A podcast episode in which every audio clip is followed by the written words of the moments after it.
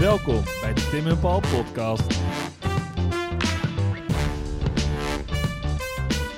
Tim en Paul wilden altijd al koning worden. Maar we krijgen nu les over hoe het wel en soms ook niet moet. Onze eerste koning Lodewijk was Frans Workaholic, en een konijn. met zijn gebrekkige Nederlands en publieke optredens wist hij het volk voor zich te winnen. Daarna kwamen zoals altijd de Oranjes weer terug. Maar hoe maak je van een land dat 200 jaar een republiek is geweest? Ineens een koninkrijk. We praten met dokter Paul Rem Senior conservator bij Paleis het Loo. en specialist op het gebied van ons koningshuis. Paul, Goedemorgen Tim. waar zijn we nu weer terecht? We zijn weer in het podcastparadijs bij Tim Streefkerk thuis. En we hebben vandaag een hele bijzondere, bijzondere gast. eh, Ja. Die aanzienlijk beter gekleed is dan wij twee bij elkaar, moet ik, eh, moet ik erbij zeggen. Wie hebben we aan tafel, eh, Tim? Meneer Paul Rem. Dokter. Dokter Paul Rem. van- conservator bij, bij Paleis het Loo. Klopt. En ehm, ja, laten we meteen van wal steken. Ik heb er heel veel zin in. Eh, het Koningshuis gaan we het over hebben. Ja, en met name eh, het vroege Koningshuis. En hoe Nederland een monarchie werd. Ja, want we hebben het vaak over eh, onze, onze 17e eeuw. En dat is natuurlijk een republiek. En tegelijkertijd hebben we ook nog steeds van dat is ons land, dat is ons verleden. Maar eigenlijk is het een hele andere staatsvorm, een andere manier van doen. Dus ik ben wel benieuwd hoe dat... Hoe dat gekomen is. Ja, En het ironische is ook dat de eerste Nederlandse koning helemaal niet Nederlands was, toch? Nee, die werd ons een beetje opgedrongen. En, eh, en dat is maar goed ook, want anders hadden we het misschien niet gewild. Ehm, dat klopt, hè, we hebben nu een monarchie. eh, koning Willem-Alexander, we hebben een volkslied uit de 16e eeuw. eh, het Oranjehuis is al eeuwen met ons land verbonden. Dus denk je, ah, natuurlijk, eh, we zijn al heel lang een monarchie of zoiets. En dat is natuurlijk helemaal niet zo. En jullie hebben het vaak over de republiek gehad, maar dat was gewoon een hele rare staatsvorm. Hè? Geen eenheid, geen munt. Hè? Als je in Harlingen was en je moest naar Zwolle, moest je daar je horloge gelijk zetten. Weet je, een hele andere munteenheid, een hele andere tijdsrekening. Dus dat was helemaal geen eenduidig iets. En dan had je een prins van Oranje. Ja, Oranje ligt in hè, Orange in Frankrijk. Ja, wat doet dat bij ons nou weer? ja. Eh, dan zijn het stadhouders. Wat zijn stadhouders nou weer? Nou ja, dat is eh, duidelijk. De prins van Oranje is gewoon de hoogste ambtenaar. In dienst van het echte staatshoofd. En het echte staatshoofd, dat is de Staten-Generaal. En aangezien dat helemaal niet bekt naar buiten toe. En als er een vredesonderhandeling is met Frankrijk of Engeland. Ja, dan kun je niet eh, dertien in zwart geklede heren met een witte bef naar Londen sturen. Dus dan stuur je de prins van Oranje, je hoogste ambtenaar. Die naar buiten toe een soort monarchale Ja, want dat Visie was het had. vreemde inderdaad. Zo van, hij, hij was het niet, maar hij had wel gewoon het, het imago bijna. Ja, daar hebben ze zelf voor gezorgd. Hè, want Legerleider ook, toch? Juist, eh, de, traditionele, eh, de traditionele rol van een prins van Oranje is eh, aanvoerder zijn van het leger van, van de staat. Klopt. Niet een eigen leger, maar het landsleger natuurlijk. En dat is wel grappig, want ze trouwen wel met allemaal meisjes uit het buitenland. eh à la prinsessen, groothertoginnen, grootvorstinnen enzovoort. Dus in die huwelijkspolitiek doen ze helemaal mee als Europese koning. Maar dat zijn ze helemaal niet. Het zijn gewoon eh, hoge ambtenaren. En dat is alles. En dat verandert allemaal natuurlijk pas aan de vroege 19e eeuw. Dus dat idee van ons van, oh, eeuw, oud volkslied en de oranjes, prima. Maar eh, dat is best een recent Best verhaal. Wat, wat vraagtekens bij te En- plaatsen. Als we nu heel flauw doen, er is toch ook altijd zo'n verhaal, en hebben we dat ook meteen getackeld, dat de huidige Oranjes heel ver maar afstammen van Willem van Oranje. Ja, dat is natuurlijk iets. Eh, als je de, de Nederlander op straat zou vragen met een microfoon onder hun neus van eh, waar stamt Willem-Alexander vanaf? Dat iedereen zegt Willem van Oranje. En dat is niet zo. In 1702 is dat huis uitgestorven. Maar omdat we dat ook wel weer zonde vonden, hebben we gewoon een bypass eh, gedaan door een Fries in Nassau die heel ver verwant was. En een, een, een gemeenschappelijke grootvader had met Willem van Oranje. Dus heel ver. Die hebben we gepromoveerd tot stadhouder over alle gewesten. Dus als een soort van quasi-koning. Maar ja, dat had weinig meer met Willem van Oranje te maken. Ja. Ja. Oké. Ja, dus we eigenlijk... Ja. Waar, hebben, dan we het, over waar hebben we het er over? Ehm, ja. ja, ja ehm, er, is, er is natuurlijk, we hebben het dan even over de republiek. En het, eigenlijk de hele eh, vreemde manier van doen. Dat een, een hoge ambtenaar, ambtenaar maar absoluut geen koning is. Ehm, maar dan is er... Eigenlijk deze stadhouder wordt dan met pek en veren het land uitgejaagd. Ja. Eind eh, eh, 18e eeuw. Tijdens de Bataafse revolutie. En daar krijgen we voor terug een Frans leger. Waar komt die vandaan? Nou, nee, dat is, dat is op zich een hele goede. Ik denk uit Frankrijk. En dat komt natuurlijk omdat er eh, de jaren daarvoor in Frankrijk een soort geest heerste van... eh ook koningen, die kun je ook eh, het hoofd afhakken. Ja. En eh, het is eigenlijk allemaal wel mooi geweest dat wij alleen eh, taart mogen eten, dat we niet hebben. En Ja. eh, weet je, het was natuurlijk in Frankrijk een enorme explosieve situatie, omdat je daar iets wat wij helemaal niet kennen en ook niet willen, nooit ooit, een heel erg centraliserend bestuur. Nog steeds, hè, alle belangrijke instituten in Frankrijk zitten in Parijs. En in de 17e eeuw heb je al die zonnekoning die zegt: eh, Ik ben de staat, l'état c'est moi. Eh, alles, hè, ik, als ik wakker word op Versailles, kan de, voor Frankrijk de dag beginnen. Daar komt Ja. het op neer. Ja. Alles loopt via mij. Ik ben de belichaming van het eh, staatsbestel. Nou, dan zitten wij ons echt te kijken van wat, wat, wat is dat? Weet je wel? Maar dat kennen we niet, dat willen we niet. Maar daar is zo'n grote aversie tegen in Frankrijk... dat je dus revolutie krijgt en democratische ideeën. En die vinden ook bij ons in Holland... waar we te maken hebben met een heel ster, star systeem van... eh, regenten die elkaar de baantjes toespelen en eh, adel die elkaar helpt en eh, mensen die al jaren, decennia lang hier burgemeester in, in Amsterdam bijvoorbeeld zijn en blijven. Weet je wel, we zeggen wel, oh, de republiek en democratie en inspraak, nou dat is echt iets van de 20e eeuw. Maar ook daar in Nederland, van de 18e eeuw, komt dus van oh, dat Franse model van die revolutie. Dat kon wel eens heel geschikt voor ons zijn. Dus er heerste een hele grote Fransgezinde geest. En op een gegeven moment hebben wij ons uitgeleverd. Dus om de Oranjes te verdrijven hadden we de hulp nodig. Want Willem V werd echt gezien, de laatste stadhouder van Oranje, die werd echt gezien als de grote tiran. Nou, de arme Zoezel kon er niks aan doen. En die deed alleen maar wat hij moest doen. Lekker zitten, eh, miniatuurtjes verzamelen, door de tuin wandelen. En hij was niet te slim en dat wist hij. Hij keek in de spiegel en ja, waarom ben ik zo lelijk en waarom weet ik zo weinig? En dan zei zijn vrouw Wilhelmina van Pruisen, kom op, je kan het wel. En, weet je, maar dat is natuurlijk ook de zwakte van een monarchie. Dat als je een zwakke broeder daarin hebt zitten, Ja. dan heb je daar wel mee te maken. En Willem V was niet zo snel te bewegen om dat staatsbestel, dat, dat elkaar de ba- het bal toe eh, werpen, te veranderen. Dus wij hebben echt gezegd in Holland: het is allemaal de schuld van Willem V en die moet weg. Maar daar hadden we de hulp bij nodig van Frankrijk. Dus we hebben de Fransen binnengehaald Ja. en vervolgens zaten we ermee.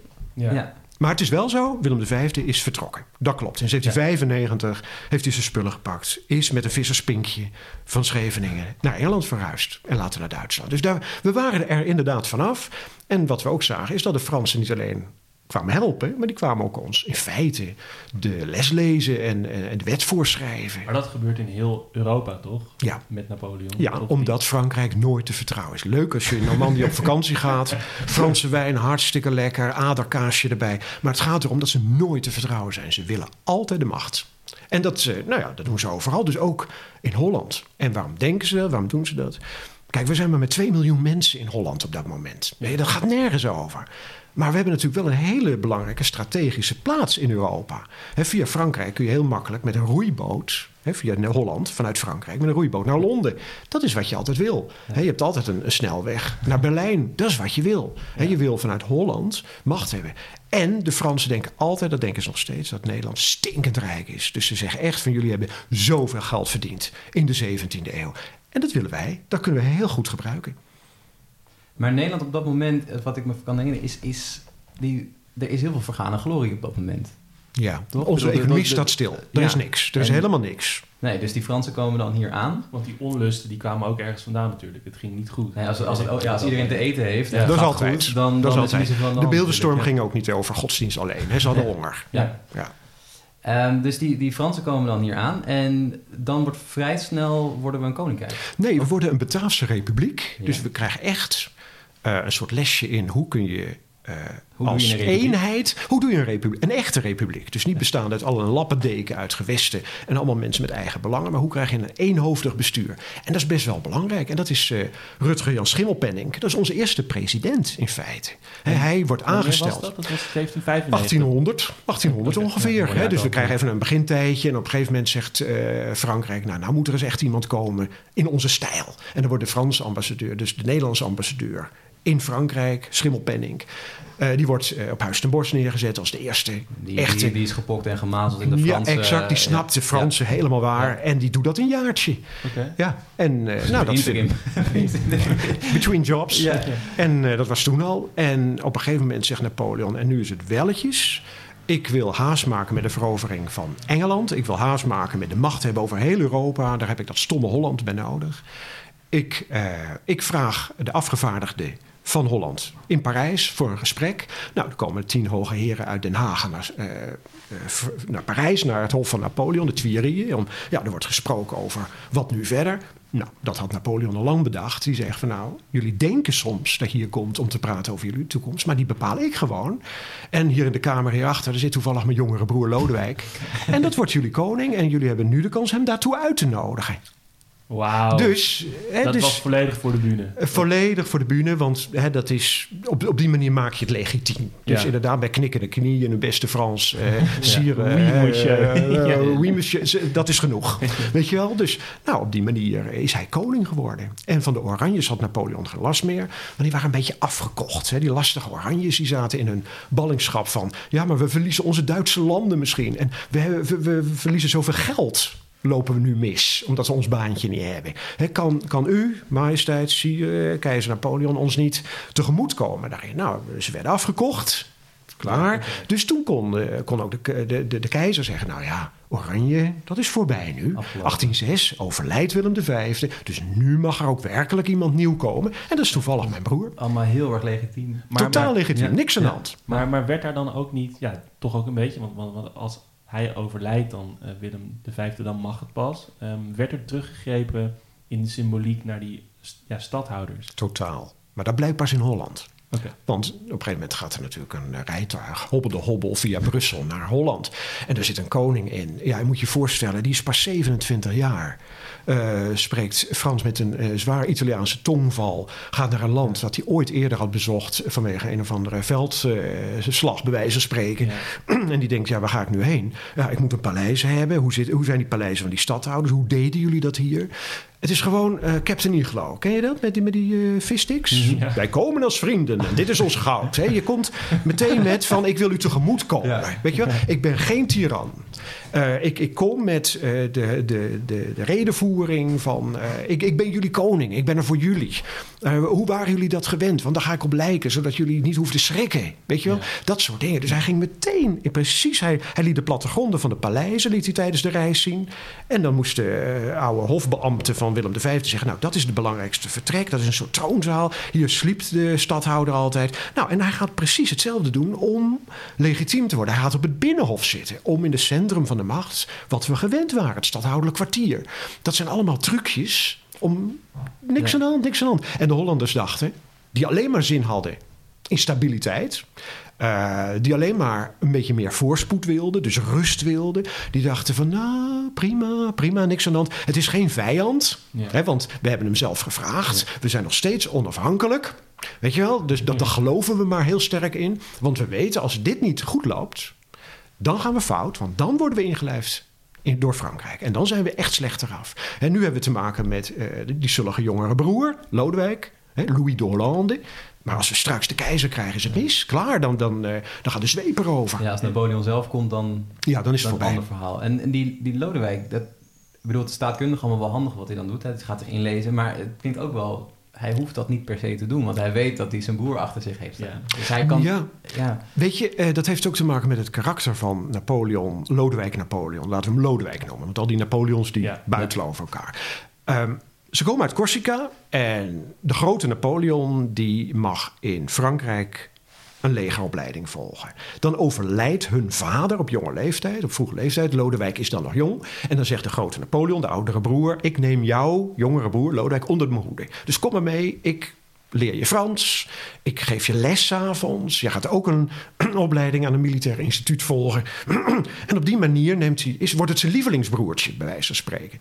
Ehm, en dan, eh, dan, dan, dan, dan komt hij als het ware in, in, onder de betovering van die oudere broer. Die neemt hem mee naar veldslagen, betaalt hem alles. Eh, eh, hij wordt, hij wordt kolonel in het Franse leger, Lodewijk. En dan wordt hij opeens, wanneer Napoleon zichzelf tot keizer kroont... wordt hij keizerlijke prins, eh, connétable, de belangrijkste legeraanvoerder van Frankrijk. Is Lodewijk geworden.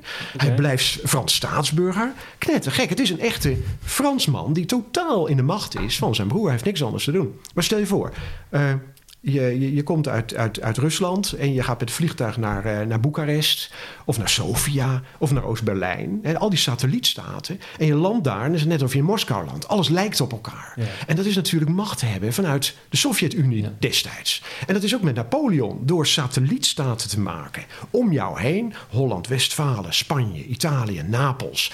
Nou, en daar al jouw broers en zusters. Nou, hij had er vier en drie zusters. Dat Weet je, op, ja. Nou, dat is, dat is een lekker Handig, familiebedrijf. Dat is de firm, Ja. als het ware. En die doen allemaal, hun hof zien er allemaal uit zoals in Frankrijk. Dus je krijgt echt aan het hof in Toscane, in Madrid, in Amsterdam... kreeg je een indruk, zo gaat het dus toe in Parijs. Het hele hofetiket, het burgerlijk wetboek, het strafrecht... alles werd vanuit Frankrijk in al die naties... zodat je uiteindelijk één eenheid krijgt. De Bonaparte-firma.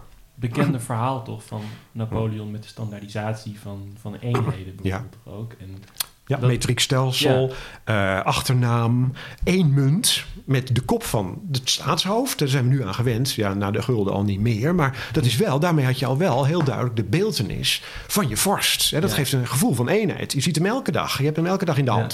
Ehm, als, er, als er al postzegels waren geweest, Lodewijk op de zegel. Weet je, dat geeft een enorm samenbindend gevoel. Eén grens. Nou, die schoof nogal, maar één grens, één volkslied. Weet je, dat, Ja. dat is echt dat Franse systeem wat wij niet kenden. En dat is nog steeds, daar hebben we nog steeds mee te maken. Maar dat was dan best wel succesvol. Dat was heel succesvol. Dat aten de Nederlanders dan wel als zoetegoed. Ja, maar het was de bedoeling dat we dat aten om vervolgens volstrekt Frans te worden, om als springplank te dienen voor Engeland. Dus wat krijg je dat opeens eh, Napoleon even, even belt zo naar, naar Holland van, zeg Lodewijk, nu is de kans om de havens te sluiten voor Engelse handel. Nou, dat is eh, dikke paniek, want wij leven van handel via Engeland. Dus we, onze economie stond al stil. En die loopt nou nog meer achteruit. Want wat krijg je het punt? We hadden het even over het karakter van Lodewijk. Het is een neuroot. Hij eh, is een workaholic. Hij is chaotisch, eh, vriendelijk, goedmoedig, onbetrouwbaar. Hij is alles. En wat krijg je dan? Dat door die relatie met zijn grote broer... die de hele tijd macht op hem wil uitoefenen. En nog meer macht. En je moet dit doen, je moet dat doen. Dat op een gegeven moment krijgt hij van... Dikke neus. Weet je, ik doe het zelf. ben er klaar mee. Ik, ik Ja. ben koning van Holland en ik ga het doen. Dus ik ga me inzetten voor mijn land. Ik noem me niet meer Louis, maar Lodewijk. Nederlands wordt voortaan de taal voor het openbaar bestuur. Dus de Franse spionnen kunnen niet meer meeluisteren. Ik eh, bewaak mijn grenzen. Ik zorg dat mijn handel goed gaat. Hè, door, het, eh, door de grote nijverheidstentoonstellingen in te richten... waardoor je een enorme economische boost zal krijgen.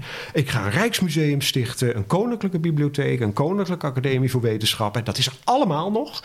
Hè, dus hij gaat echt aan dat land bouwen. En dan zegt Napoleon van...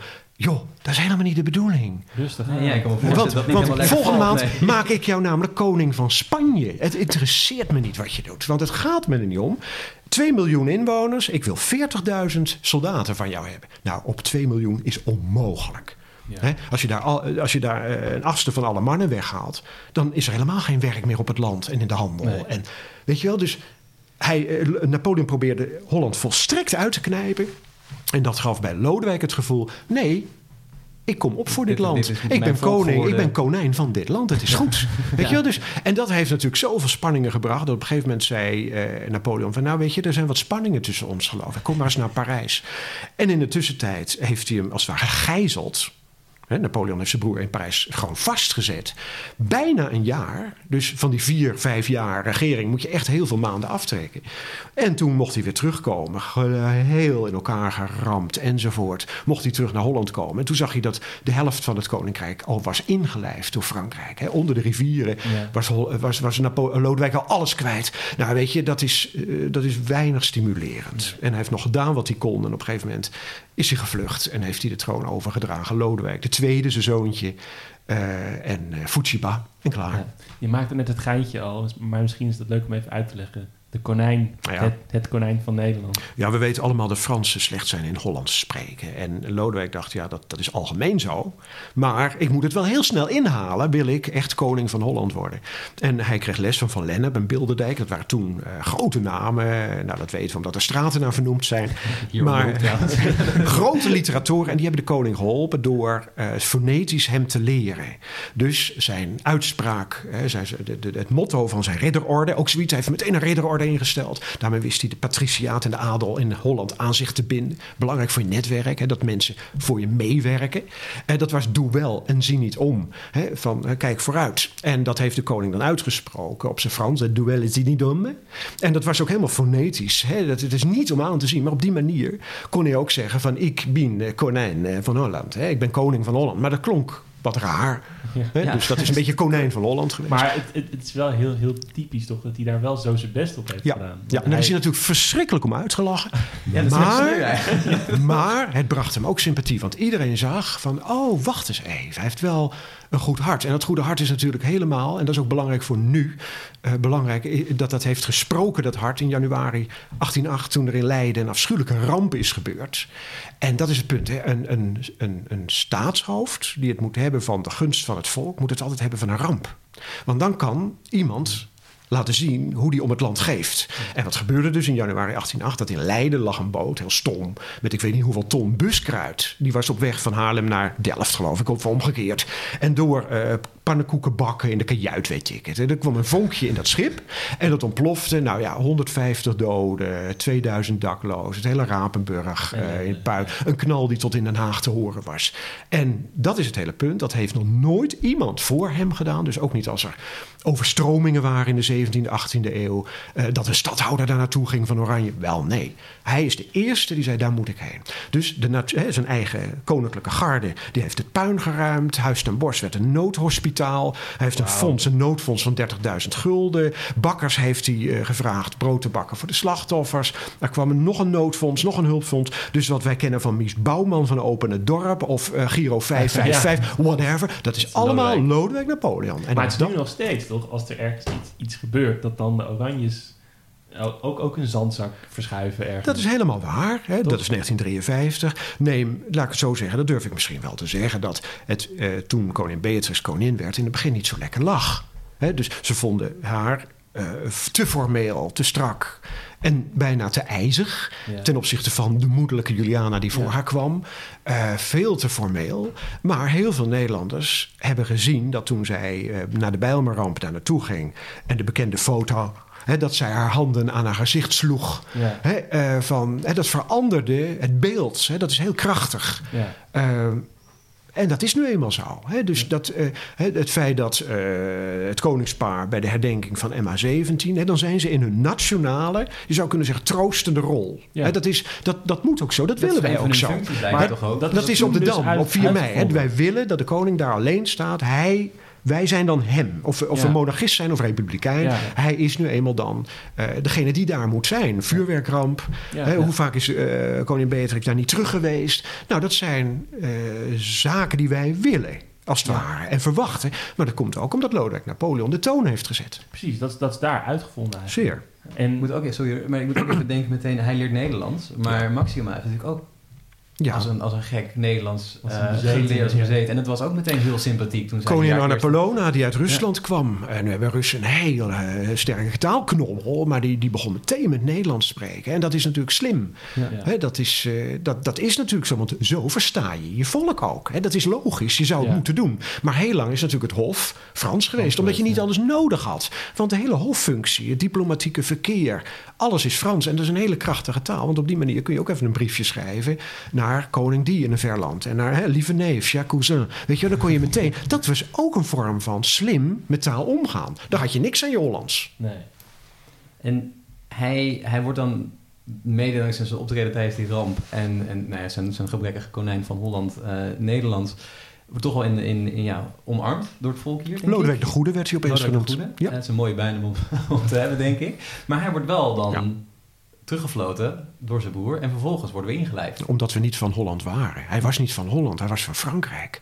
En eh, Napoleon zei: Ja, maar je verraadt mij, want je bent mijn belangrijkste legeraanvoerder. Je bent een, een, prins van het Huis van Frankrijk. Je bent staatsburger. Je bent, daar krijg je heel veel geld voor. Wat je heel graag uitgeeft. Dus dat kun je niet missen. Dus je moet gewoon doen wat ik zeg. En nou, nou doe ik het zelf gewoon. En dat is wat wij de Franse tijd noemen. We denken aan Franse tijd dat dat heel lang was. Maar dat is maar vanaf de inlijving van het oude koninkrijk Holland van Lodewijk Napoleon in 1810 tot 1813. Wanneer Napoleon, de keizer, in feite zijn macht verliest. Omdat hij de veldslagen verliest. Dus de Franse tijd is niet op het moment dat Lodewijk kon.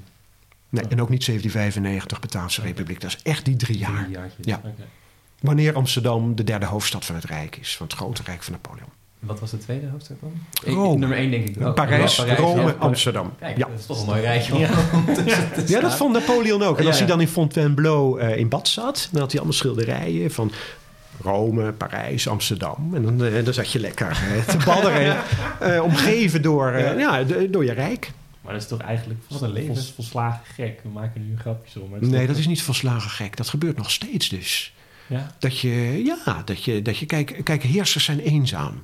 Hè, keizer Napoleon was ook eenzaam en dan doe je dat soort dingen. Maar als je denkt aan een Ceausescu, of misschien, ik durf het niet te zeggen, maar misschien een Poetin bijvoorbeeld. Ja. Hè, uiteindelijk, it's lonely on the top, weet je wel. Ja. En dan, dan kun je doen wat je wil ter bevestiging van, Yes. eh, ik voel me eenzaam. Oh nee, gelukkig, ik zie toch wat ik ook heb. Weet Ja. je, dat, dat geeft een eh, wat ge- verwrongen beeld van jezelf en van je positie. Maar dan wordt het 1813 en dan gebeurt er ook iets.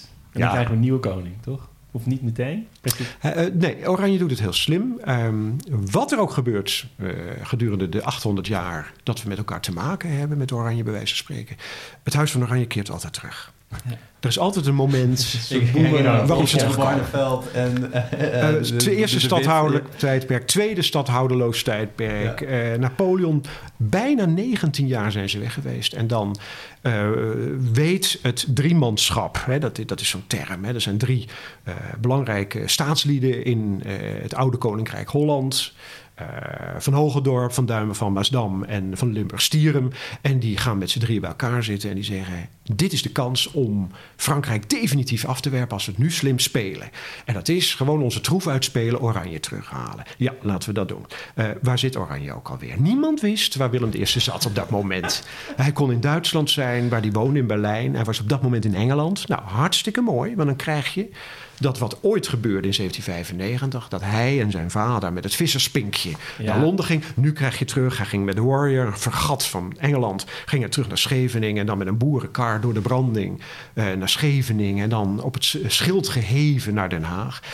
Het goed maken, bij wijze van spreken. Het, het wordt weer goed gemaakt met Oranje. En dan is hij soeverein vorst... Ehm, Wanneer het de 19e eeuw dus is, en dat is wel belangrijk, denk ik, ook voor de luisteraar. Wij denken nu in naties, weet je wel. Ja, eh, En dat was nooit. Hè, maar het nationalisme, het hebben van één klederdracht, één eh, een volkszanger, Ja. één volkslied, één staatshoofd. Dat is een, een uitvinding uit de 19e eeuw. En eh, er zijn staten. En Nederland moet misschien ook zo'n staat worden. Want daar hadden we al in geoefend bij die Bataafse Republiek. Met Schimmelpenninck, onze eerste president. En later Lodewijk, onze koning. En toen eh, heeft, heeft ook de moeder van Willem I nog geschreven... Van, kijk uit hoor, dat je je geen koning meteen laat noemen... want dat pikken de Hollanders niet. Ja, moeder, maar ze zijn al gewend aan vier jaar koning. Het zou misschien kunnen, want we waren toch ook al redelijk monarchaal... Hè, zoals in Den Haag altijd bezig waren. Heeft hij even een tussenoplossing bedacht. Niet stadhouder Willem VI, want dat zou te veel lijken op het oude regime. Ja. Geen koning, maar soevereine vorst. Nou, dat was een mooie om even... Klinkt wat ingewikkeld. net niks. Net niks, Ja. maar het zegt genoeg dat het geen stadhouder meer is. Willem I die stapt op het strand en die zegt... alles wordt weer zoals vroeger was. Nou, dat is Werkt nogal... dat werkt altijd. dat werkt en altijd, maar ten tweede is dat ook meteen een teken... dat we weer teruggaan naar het ancien, ancien regime. Ja. Het oude regime. Dus Willem I geeft eigenlijk aan... ik ga alleen regeren, ik ben de papa van mijn volk... en ik ga doen wat goed voor jullie is, want dat weet ik namelijk... Eh, ministers helpen mij, maar die kan ik naar believen ontslaan. Eh, ik ga hard werken om Holland weer, hè, laten we dat nu weer Nederland noemen, weer eh, het Koninkrijk der Nederlanden weer op, op gang te helpen. Nederland, zoals we nu kennen, is natuurlijk het Nederland van 1848, de grondwet van Thorbecke. Ja. De koning, die is onschendbaar. Alles wat hij fout doet, Ja. dat komt op het bordje van de ministers. Ja. Zo willen wij dat graag zien. Dat is dan pas ontstaan. Maar daarvoor, Willem I die denkt... Ik word een nieuwe, ik let's word go. echt een koning. Eh, Wij krijgen meer macht dan we ooit als stadhouders hebben gekregen. Het wordt ons allemaal in de schoenen, eh, allemaal, eh, we het wordt ons allemaal toegeworpen. Napoleon is nog niet verslagen, dat dachten wij. En als dreigt dat Napoleon weer terugkeert, hè, gaat eerst, wordt hij verbannen, komt hij weer terug. Hij weet weer een enorm leger op de been te brengen. Oei, denkt de soevereine vorst, dat gaat mis. En dan besluit hij België te annexeren. Dus het huidige België, dat zijn de Oostenrijkse Nederlanden. Vergeet het, maar dat is een gebiedje, dat, dat ligt daar maar. Want wat moeten wij Ja. nu? Nou, zegt Willem I, bij mij horen. Kom maar.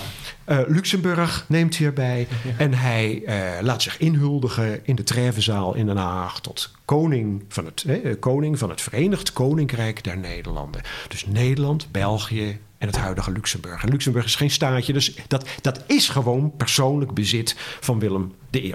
Nou, en dat is een sterk land.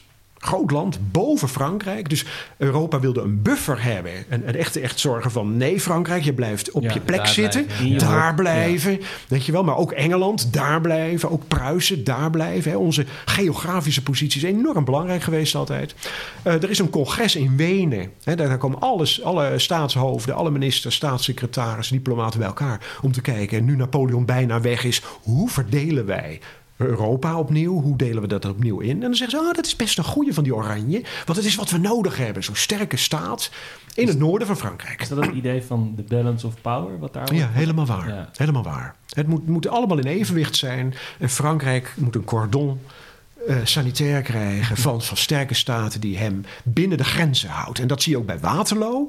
Waterloo, de slag bij Waterloo wordt Napoleon definitief verslagen. Dat is op Nederlands grondgebied. En op de plaats waar de prins van Oranje gewond raakte. Eh, dat is heel belangrijk dat eh, als je een jong koninkrijk hebt, dat je laat zien dat jouw vorstenhuis bereid is voor je land te sterven. Ja. Dus Willem van Oranje, of de koning, Willem II, de prins van Oranje, dus Ja. de, de traditionele legeraanvoerder, die krijgt een, een nou, er vliegt een kogel langs zijn schouder. dat buit je enorm uit door hij nog maandenlang met een mitella te Dat is ook verschijnen. dat schilderij. Ja, dat hele grote schilderij? Ja, dan wordt hij, dan wordt hij eh, weggedragen. En, eh, dat is heel, maar dat is een heel mooi moment, want daarmee toont hij aan: ik ben de jonge kroonprins die bereid is voor de onafhankelijkheid van Holland, van Nederland op te komen. Dat is gewoon, dat is ook zo trouwens. Hè, maar dat werd, dat Ja, werd goed uitgebuit. Ja, En eh, eh, op dat moment eh, is het heel duidelijk: hè, de grote slag bij Waterloo, dat is een Nederlandse aangelegenheid. En op die plaats waar de latere Willem II gewond raakte, er is die enorme heuvel opgericht met die leeuw. En die staat grommend, die Hollandse leeuw, die Nederlandse leeuw, grommend naar Frankrijk. Van denk erom, in je hok blijven. Hè, dus dan krijg je heel duidelijk. De symboliek. ja, jij, geweldig, ja. geweldig. Maar, maar eh, er waren toch ook nog andere eh, staten betrokken bij de Engeland. Waterloo? Ja, maar kijk. Engeland zegt het komt door ons. Eh, Pruisen zegt het komt door ons. Ja. De Russen zeggen nee, wij waren het. Ja. Eh, ik vind wel dat we een klein beetje af moeten van eh, die praatjes, die babbels altijd van Engeland. Hè. Engeland heeft het altijd gedaan. Hè. Het was helemaal geen Waterloo, het was Mont Saint-Jean. Hè. Maar Wellington vond Waterloo mooier klinken, want hij werd prins van Waterloo. En dat klonk mooier dan prins van Mont Saint-Jean. Dat, dat is voor de Londenaren toch moeilijker uit te spreken. Frans, Weet je, ja. die, die zet het naar hun hand. De Nederlandse inzet op eigen grondgebied is heel belangrijk geweest. Ja, het is wel, wel... Ja, we hebben nog ook een plan om daar een keer een podcast Ja, over te maken. Graag. Hartstikke goed. enorm- Ja, Heel goed. Ja, maar ehm, ja, de Nederlandse, dat is wel even goed om samen te vatten. Ze kwamen toch op een bepaald moment kwam er een Nederlands contingent, zeg ik dat goed? En die hebben toch eigenlijk de, de slag toen beslist. Of, Ja, ze hebben twee, drie dagen voor de echte slag bij Waterloo... heeft eh, prins Willem eh, met zijn leger eh, bij Quatre-Bras Ja. de pas afgesneden. Waardoor hij tijd creëerde voor de Pruisen en de Russen... om uiteindelijk bij de echte slag op tijd te komen en dergelijke. En hè, Napoleon werd al verliezen en geleden. En er was al demotivatie door het feit dat hij niet door, kon doorstomen. Maar dat is ook best bij- bijzonder, want hij is op dat moment dan eigenlijk twee jaar pas weer in Nederland. Hij spreekt Eh, geen Spreekt Nederlands. geen Nederlands. Eh, weet niet, ik weet niet Maar- wat zijn militaire opleiding is maar verder. wat, wat, wacht even, dit is de zoon van de koning. De zoon van. Willem I, omdat Willem I een hele slechte is. Wist hij zelf ook? Of is Wist hij absoluut En zelf ook. Een zeer, een zeer besmet veldheer ook. Hij is ook wel eens voor een, eh, een tribunaal Oh, verschenen in. Pruisen. eh, vanwege landverraad. eh, of, of hoogverraad Ja, van leger. Dus eh, mm, dus nee, dat, dat deed hij maar niet. En de traditionele rol, nogmaals... Van eh, een prins van Oranje is legeraanvoerder Ja. zijn. En eh, Paul, je zei net van, eh, ja, wat heeft hij voor opleiding gehad? Een perfecte opleiding in Engeland. Hij heeft eh, slagen meegemaakt in Spanje, bloedige veldslagen. Hij heeft al heel vroeg eh, van een, een strategisch militair vernuft blijk gegeven. Het is echt een hele goeie. Eh, zo goed dat hij zelfs overmoedig en roekeloos was. Maar dat was wel eh, prettig Hoorde bij er ook wel een beetje bij, toch? Ja. Hoorde erbij. Ja. Ja. Ik heb meteen een soort van flamboyante jonge prins. Dat was hij ook. ja, Dashing. En Ja. ja. ja, gaat er de boel even klaar, hè? Exact. Ja. Oké, want, want ehm, was hij dan een suc- Ja, het is flauw natuurlijk om te gaan vergelijken. Maar was hij dan su- succesvoller als koning ook? Want hij had het hele ding van Waterloo. Nou, dat heeft hem eeuwige roem bezorgd. De grootste trofee is denk ik wel zijn huwelijk. Hij kreeg daarmee ook de dochter van een van de geallieerden. De zuster, eh, de zuster van tsaar Alexander I. Die mocht, daar mocht hij mee trouwen. Hij was een keizerlijke hoogheid. En dat heeft natuurlijk ontzettend veel betekend... voor het aanzien van het jonge koninkrijk. Willem I is net twee jaar koning. En Poldori wordt zijn schoondochter. Is keizer, keizerlijke hoogheid. Weet je, dat, dat is Ja, ja. geweldig voor je internationale netwerk.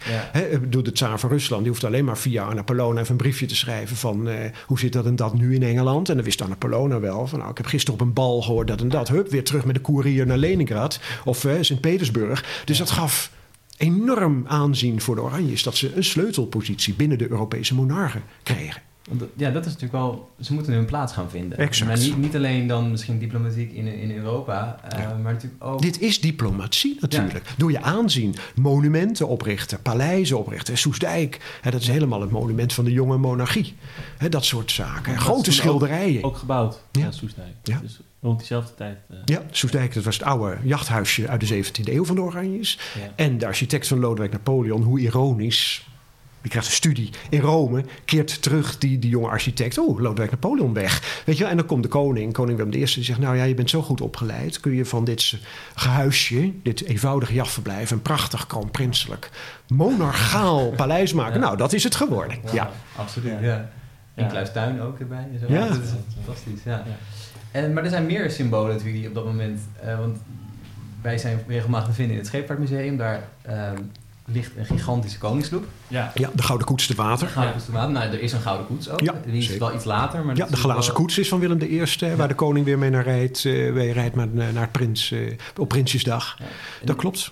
Is, ehm, want ja, hoe, je bent dan net, ik kan me niet zo goed voorstellen, je bent net koning Ja. Geworden. geworden. Ja. op, op eigen uitnodiging. En ja, wat, hoe ga je dat dan ophouden? Nou, dat ga je door verschillende dingen doen. Heel simpel. Je kijkt wat je voorganger heeft gedaan. En als dat bevalt, hou je het. Dus alles wat Lodewijk Napoleon heeft gedaan, zou je kunnen zeggen, de hele infrastructuur, maar ook de bestuurlijke infrastructuur, de wetgeving, alles wat, wat eenheid maakt door nationale instituten, dat heeft, Lodewijk, eh, dat heeft Willem I gewoon behouden. Ik bedoel, wij zien Lodewijk Napoleon wel eens als de bezetter die ons is opgedrongen. Maar het werd toch een van ons. Hij heeft hele goede dingen gedaan. En kijk, het woord bezetting heeft natuurlijk na onze Tweede Wereldoorlog Ja, een andere- hele andere besmette klank gekregen. Ja. En dat was daarvoor niet.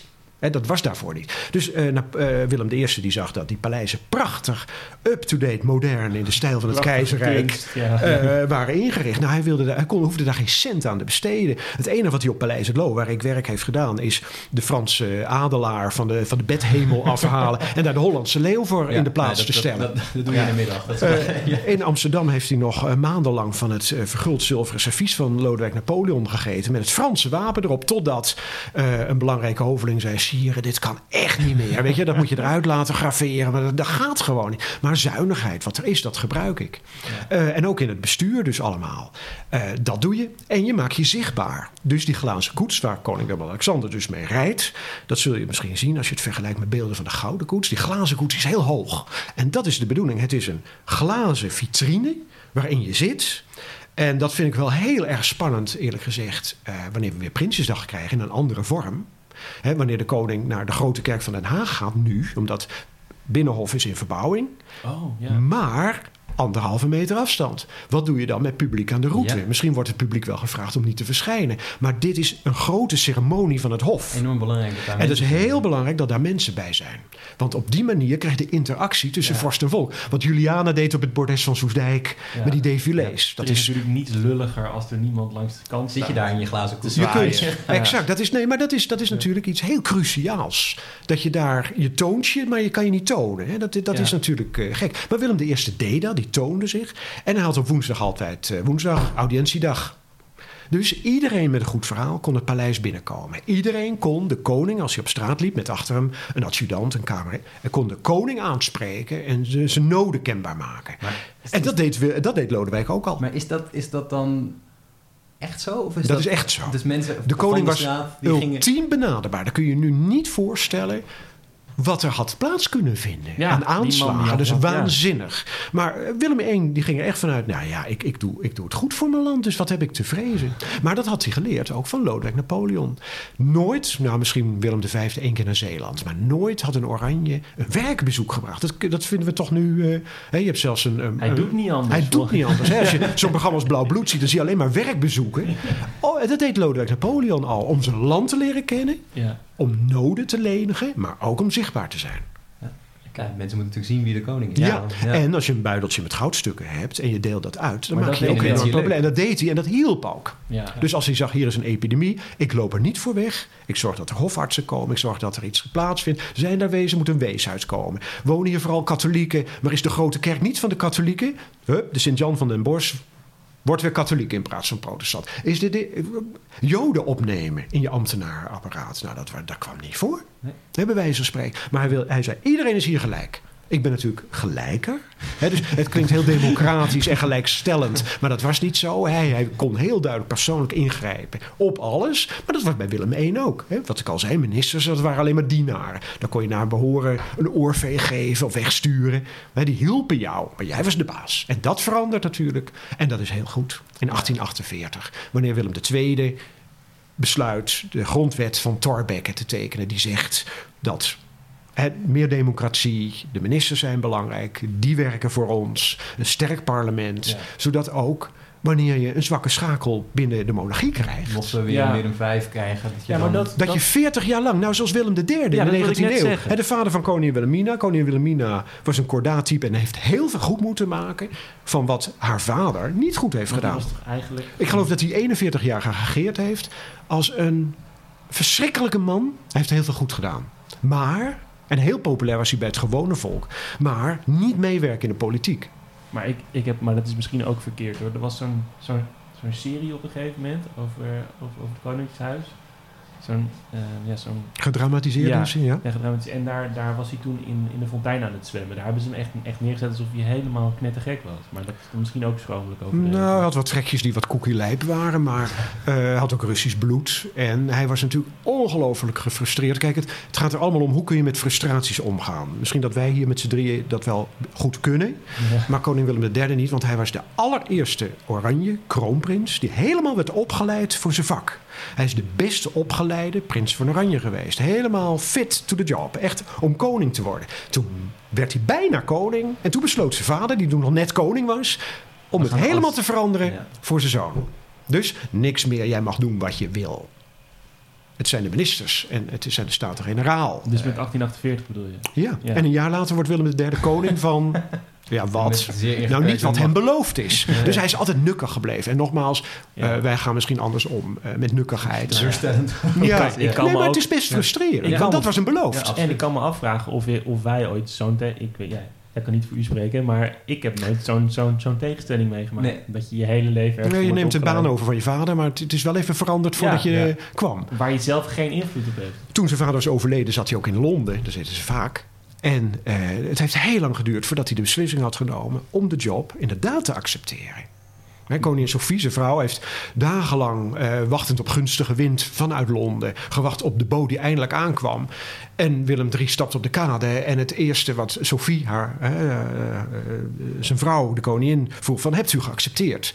Heb, heb, heb je nagedaan? Ja, oké, nou toen deed hij het. Maar dat heeft heel lang geduurd.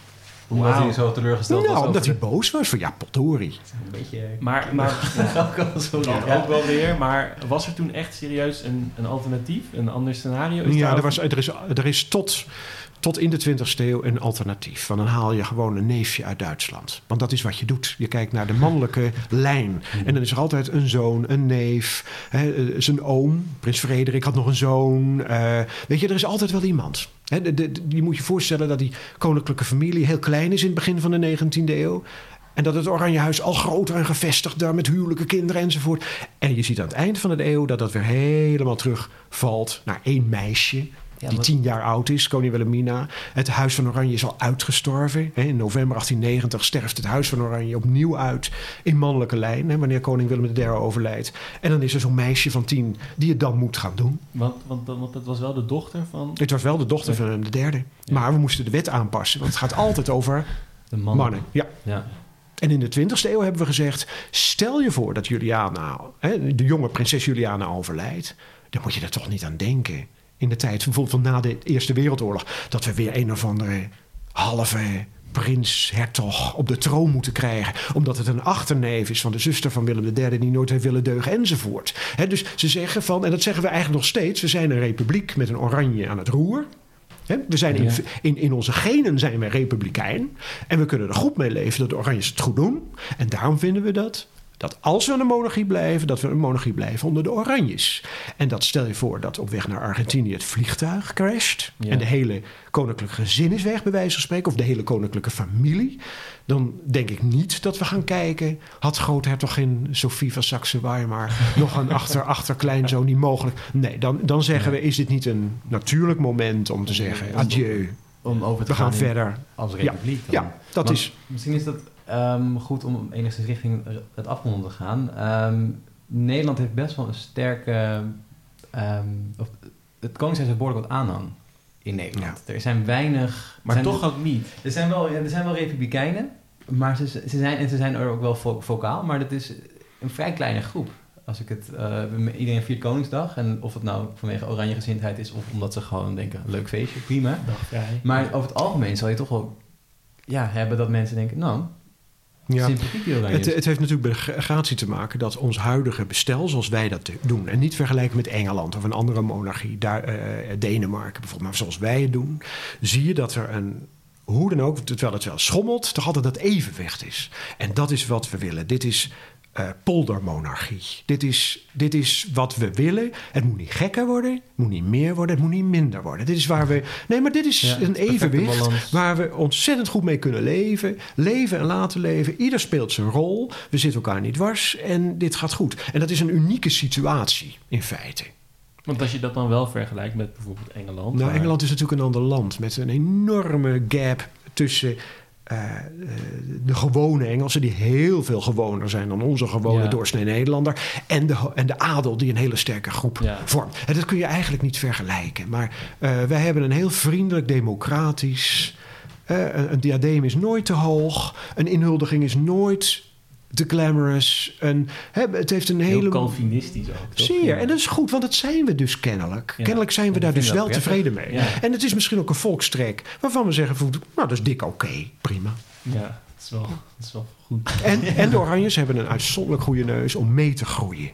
Dus als je ook ziet na de Tweede Wereldoorlog, Holland ligt, Nederland ligt in puin. En in plaats van wat de Engelsen doen, door werkelijk hè, de Engelse koningin die met enorme hoeden, juwelen, de, de, de sloppenwijk ingaat om te kijken hoe het daar toch gaat, zie je dat eh, koningin Wilhelmina, koningin Juliana heel duidelijk eh, eh, geen plannen voor nieuwe paleizen die haar opgedrongen werden. Niet dit, niet dat. Het gaat om de wederopbouw, het gaat om Nederland. Juliana is echt hè, voor onze grootouders, Ja, ouders, de koningin van- van de wederopbouw geworden. Die een heel goed gevoel, die ook al in de jaren zeventig sit-ins met werkschroetuigen op, op het gazon van Soesdijk. Weet je, een heel goed gevoel op de fiets. Hè, de, de Engelsen die dan de bicycle mona- monarchie, weet je wel. Van, hè, dat is toch wel de ondergang van de, van de allure van een koningschap. Nou, moeten we dus kijken wie het langste volhoudt. De Windsors of de Oranjes. Het kon de Oranjes nog wel eens zijn. Ja. ja, want ik heb ook het idee dat, dat ook eh, huidige, of tenminste Willem-Alexander daar ook wel mee bezig is. Toch met vernieuwen en meegaan met zijn tijd.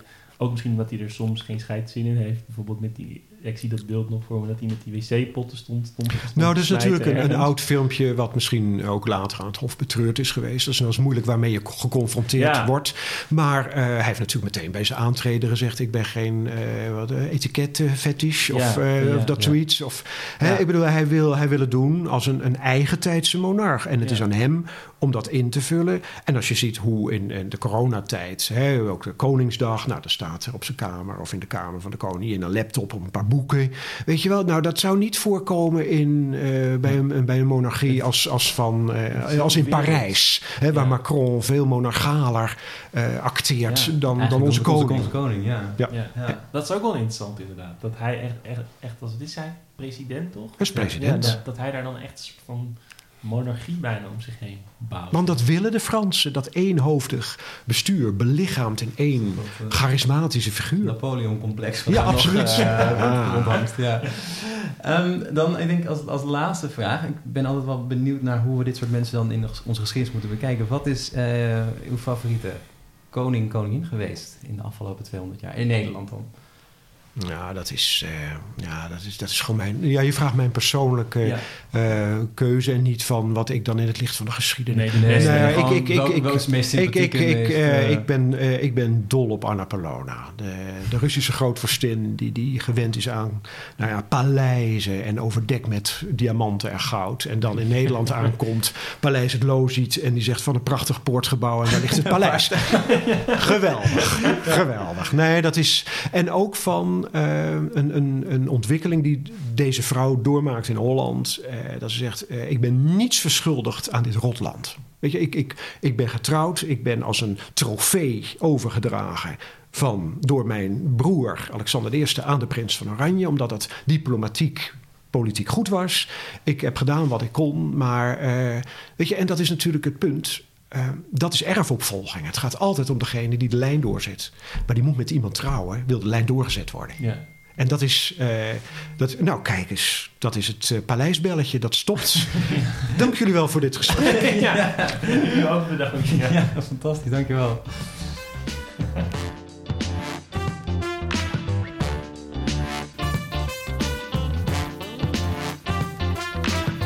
Vond jij dit nou een interessant verhaal en wil je meer over geschiedenis weten?